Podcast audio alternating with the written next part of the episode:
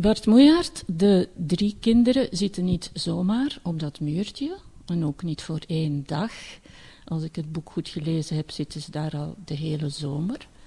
Gaan ze dan niet met vakantie? Uh, het jaar waarin de Melkweg zich afspeelt, is er voor de twee broers geen sprake van vakantie. Uh, papa is aan het werk. Papa werkt veel. Werkt te veel. Hij werkt voor een krant, schrijft hele grote stukken. Waar de krant geen foto's bij vindt, zegt de jongste broer, Oscar, die het hele verhaal vertelt. Uh, de krant vindt er geen foto's bij, omdat zo'n ernstige stukken zijn. En daar is de vader mee bezig. Hun beste vriendinnetje, Oscar, en zijn broer Bossie, beste vriendinnetje ervan is, heet uh, um, Geesje. En ook voor Geesje is er geen sprake van vakantie. Misschien is ze op vakantie geweest, in juni of in juli, maar dat doet er niet toe. Ze zitten met z'n drieën op die muur en het is alsof de tijd stilstaat. Uh, ze doen alsof ze het wel gezellig hebben. Uh, Geesje leest boeken, ze leest veel. En de twee broers houden zich bezig met om zich heen kijken, uh, zien wat er allemaal niet gebeurt of wat er wel gebeurt. Ze kijken uit op een opslagplaats van oud ijzer. En uh, ze, maken, ze verzinnen spelletjes, bijvoorbeeld, uh, wat is er vandaag veranderd in de opslagplaats? Zijn alle fietsen er nog? Staan alle wasmachines er nog? Staan alle vaatwasmachines er nog? Dat zijn het soort spelletjes wat ze een beetje verveeld spelen. Tot op een bepaald moment, en daar begint het boek, de oudste broer Bossie dus verzint dat ze misschien eens een weddenschap moeten uh, aangaan over een mevrouw die al de hele week, de hele vakantietijd lang uh, onderaan de muur waarop ze zitten passeert. Die vrouw is stokoud en ze heeft een stokoude hond. Ze noemen die vrouw Nancy Sinatra. En de hond noemen ze Jekyll the Tackle, want dan vinden ze dat een leuk klinkt. En de weddenschap is wie er eerst dood zal gaan. Want de hond is stokoud en de vrouw is stokoud. Ja, ik uh, heb van een jongen van 11 jaar daar een vraag over gekregen, Toon Legijn. Misschien vindt hij het een beetje luguber of maakt het hem een beetje bang, want hij vraagt hoe u erop bent gekomen om net een weddenschap over doodgaan te verzinnen. Ik vind dat niet zo'n lugubere vraag en misschien bedoelt Toon niet zo luguber ook. Het is natuurlijk niet prettig om een spelletje te verzinnen waar het woord dood in voorkomt omdat wij dat ook niet gewend zijn. We denken niet zo graag na over de dood. En met wij bedoel ik uh, een heel groot stuk van Europa. Maar er is één stuk van Europa, Portugal, waar mensen het heel gewoon vinden om over dood na te denken. Als ze naar de markt gaan, dan passeren ze langs een, uh, een kerkhof en gaan daar een beetje staan praten. En daar liggen de dode mensen om ze heen, maar dat vinden zij absoluut niet liguber, dat maakt deel uit van het leven. Als je daarover nadenkt, dan, is dat ook gewoon waar. Je kunt nooit leven zonder af en toe ook aan dood te denken. En als je alleen maar bang bent voor dood, ja, dan ga je wel een heel angstig leven hebben. Dus dan moet je ervoor zorgen dat je goed doorleeft en dat je, er een beetje van geniet. Uh, dus als, die weddenschap naar boven komt, dan vind ik dat ook tamelijk logisch. Want ik denk ook wel eens van, die, die hond is oud zeg. Die houdt het nog een week vol, of misschien nog twee weken. Of die meneer is krom zo krom van ouderdom. Dus die, die zal het ook niet meer zo lang halen. Is dat, dat is natuurlijk geen prettige gedachte. Maar het is wel van het leven, het hoort er wel bij. Maar voor Geesje is het misschien wel moeilijk, omdat ze heeft het moeilijk, want een tante waar ze blijkbaar veel van houdt, zal doodgaan, dat weet ze. Het is al langer bekend en dat vindt ze verschrikkelijk, want het is haar lievelingstante. Maar als je goed naar de kinderen kijkt, dan zie je dat Geesje nog de, meest met de voeten op de grond staat. Ze leest boeken, en het is niet omdat je boeken leest dat je dan plotseling meer met je voeten op de grond staat. Maar ze weet wel heel veel over de wereld, want ze heeft veel gelezen, blijkbaar. Dus als ze aan haar doodzieke tante denkt, dan wordt ze er wel verdrietig van, maar tegelijk denkt ze van, ik moet wel zorgen dat ik elke dag eens langs ga, en ik moet er proberen uh, goed mee om te gaan, en, en dus op haar manier pakt ze dat aan natuurlijk. Oscar en Boschi zijn het helemaal niet zo gewend om, dat, om, dat, met dood om te gaan.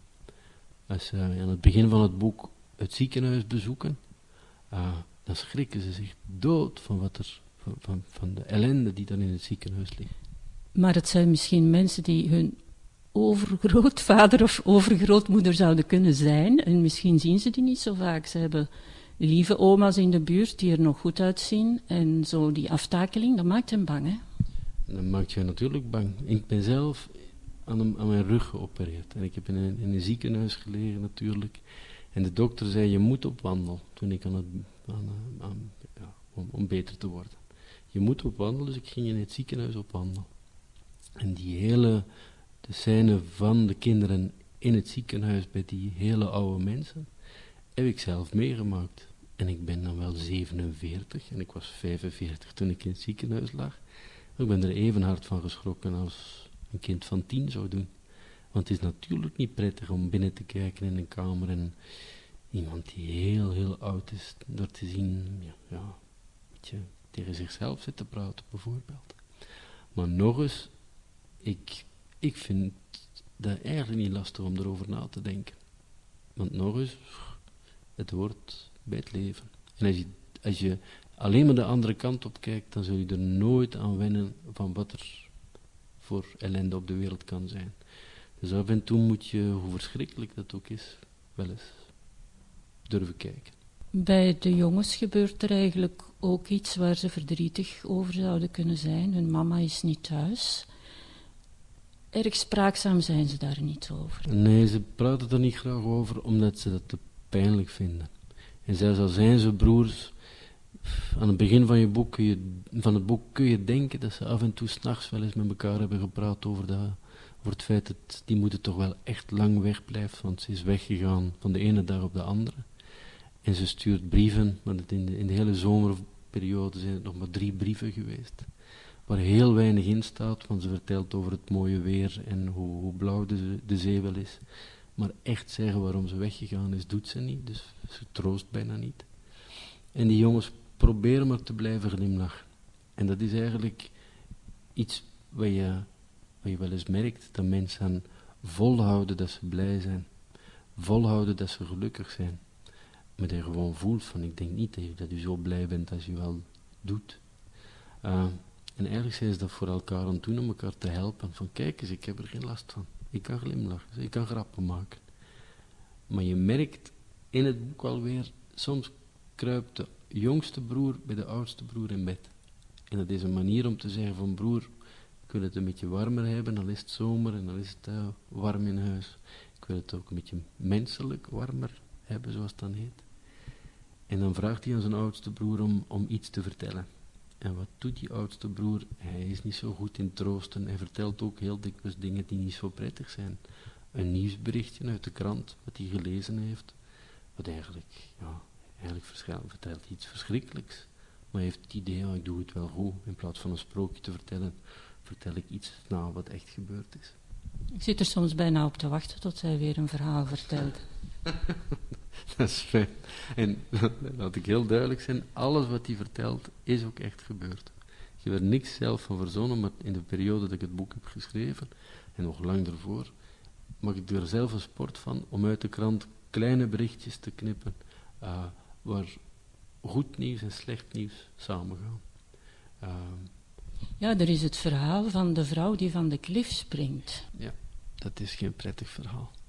Dat, Het is een mevrouw die niet meer verder wil met haar leven. Dat heeft echt in de krant gestaan. En ze denkt, ja, je kunt op verschillende manieren willen doodgaan, maar zij springt van een hoge klif. Maar wat ze niet bedacht had, is dat er bomen groeien beneden, of tenminste lager tegen de rots. En ze blijft in een van de bomen hangen. Drie, nee, ik overdrijf, dat is niet waar. Anderhalve dag, had ik het goed. Uh, twee, twee dagen. Twee dagen zelfs. Maar even goed anderhalve dag of twee dagen of drie dagen, als je er hangt en je wilde net dood, en je blijft in de boom hangen, dan is dat verschrikkelijk. Maar ik vind het eigenlijk ook fantastisch nieuws. Want ze heeft twee dagen lang kunnen nadenken, wat ging ik eigenlijk doen? Nu heb ik pijn en heb ik honger en heb ik dorst. Wil ik? Nee, ik wil eigenlijk nog verder leven. En dat heeft ze ook gedaan. Ze is naar boven, ze is gevonden door iemand, ze is naar boven getakeld, ze kon nauwelijks op haar benen staan. En ze heeft haar huis de huis dat ze verkocht heeft, is kost natuurlijk niet naar terug, maar ze is wel doorgegaan met haar leven. Dus dat is eigenlijk een heel verdrietig verhaal, maar ook ja, iets waarvan je denkt, een beetje grinniken moet ik toch wel.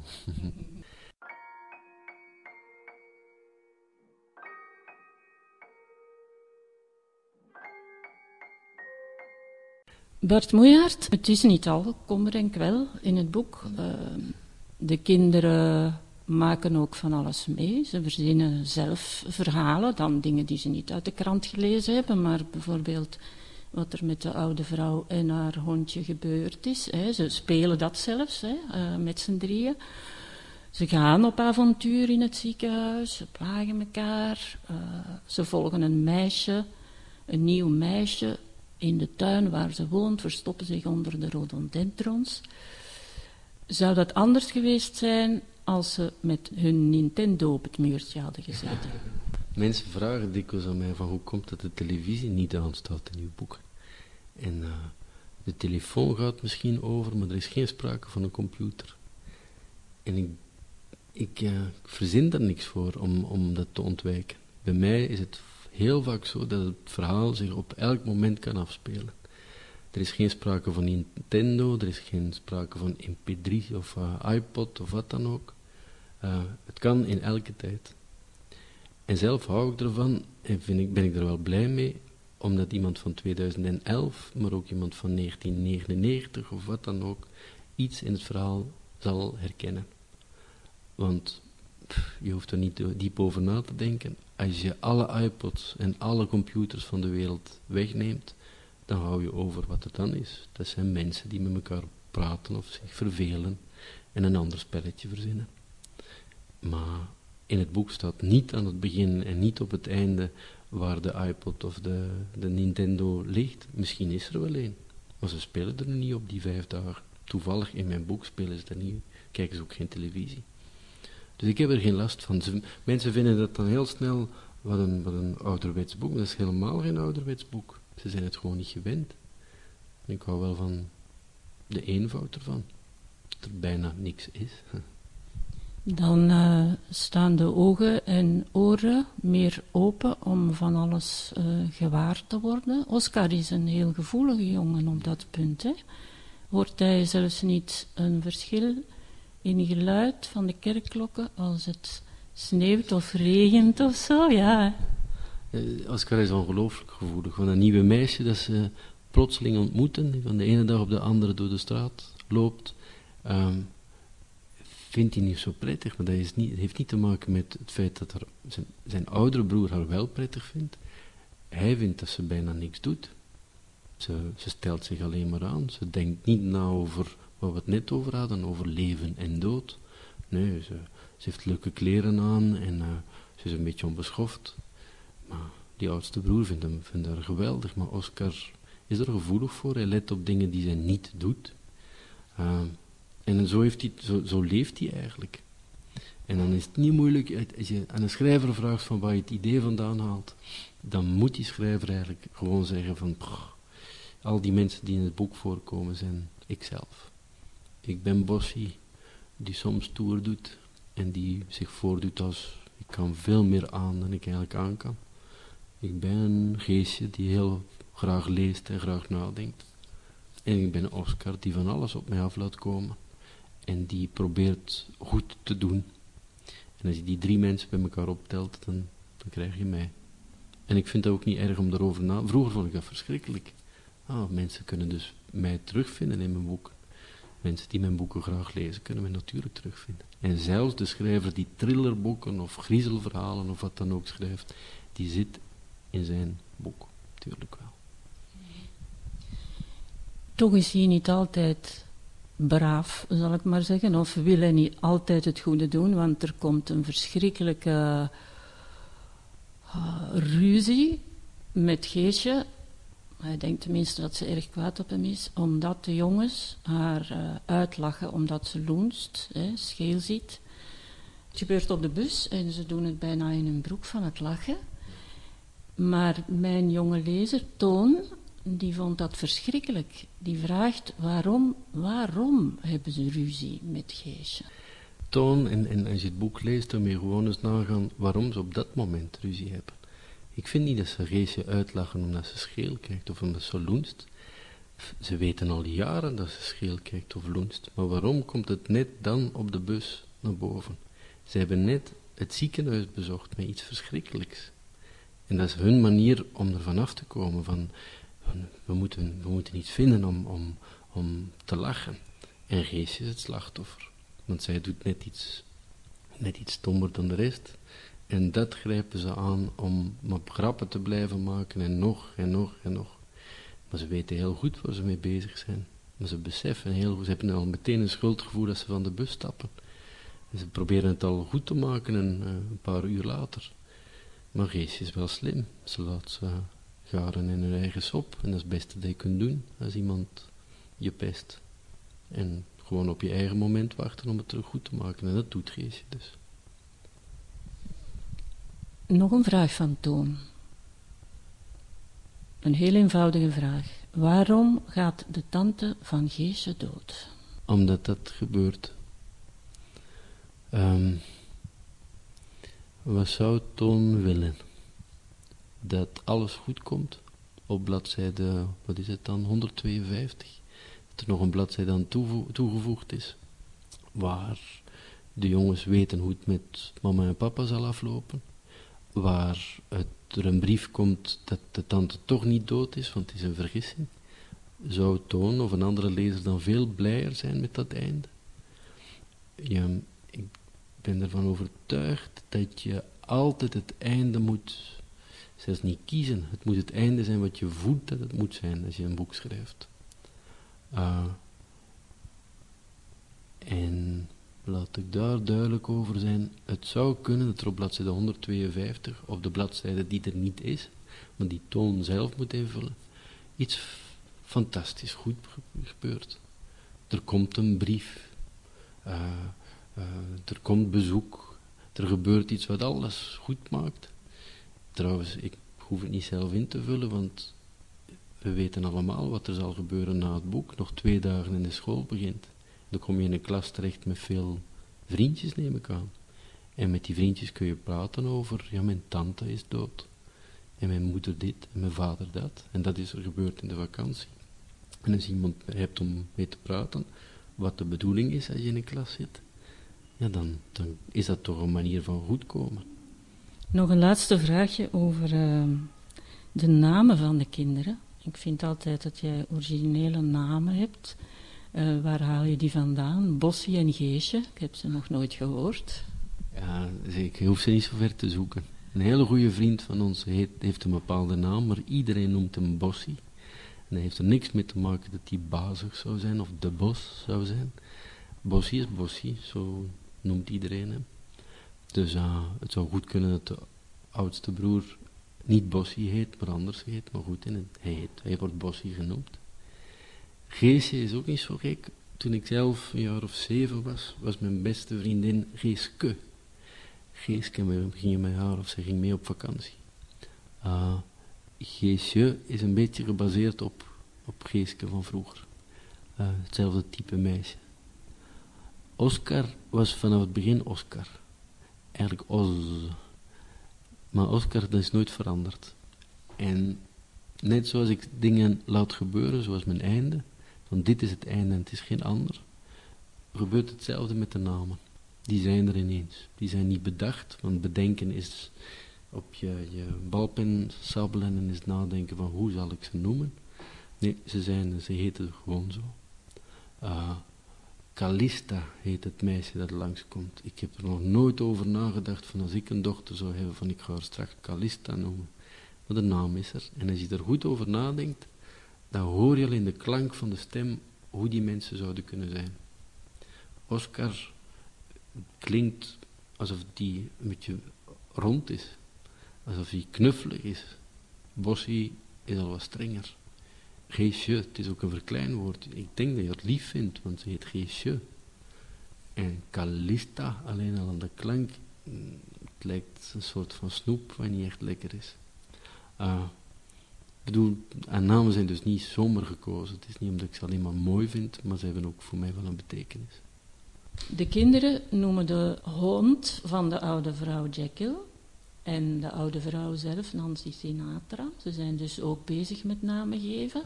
Hoe komen ze op de naam Nancy Sinatra? Nancy Sinatra is een, een naam die opgedoken is net voor de zomer. Net voor de moeder van Oscar en Bossie weggegaan is. En heeft ze een hele tijd lang tot vervelens toe dezelfde plaat opgezet. Altijd weer dezelfde plaat. En die, dat was een plaat van een mevrouw die Nancy Sinatra heet. Dat is een Amerikaanse zang, zangeres. Ehm, en ze heeft altijd hetzelfde nummer laten horen. These boots are made for walking. Wat betekent, uh, deze laarzen zijn gemaakt om op te stappen, zeg maar. Het mooie is dat iedereen een liedje wel kent. Tenminste, iedereen, uh, je kunt het opzoeken en als je het hoort, dan heb je het ooit al eens gehoord op de radio. Het gekke is dat het heel vaak op een trouwfeest of op een feest wordt gedraaid en de mensen dan de dansvloer opvliegen, want dit is These Boots Are Made For Walking. En dan stampen ze met de voeten zoals Nancy Sinatra dat, dat doet. Maar het grappige is dat bijna niemand naar de tekst luistert. En als je naar de tekst luistert, ook al is die in het Engels, zo moeilijk niet om het te begrijpen, dan is Nancy Sinatra die het liedje zingt ongelooflijk boos. Ze is woest om iets wat er gebeurd is. Ik vertel niet wat er gebeurd is, want dan vertel ik al een stuk van de Melkweg, van het boek ook. Maar het feit is dat de jongens haar Nancy Sinatra noemen, heeft gewoon met die plaat te maken. Die, dat liedje dat de moeder altijd liet horen. Maar aan het einde van het boek toe, als je het liedje misschien ook nog eens beluistert, dan kan het nog meer betekenis hebben. Ik hoop dat uh, veel kinderen je boek bij ons gaan beluisteren, want je leest het heel mooi voor, Bart.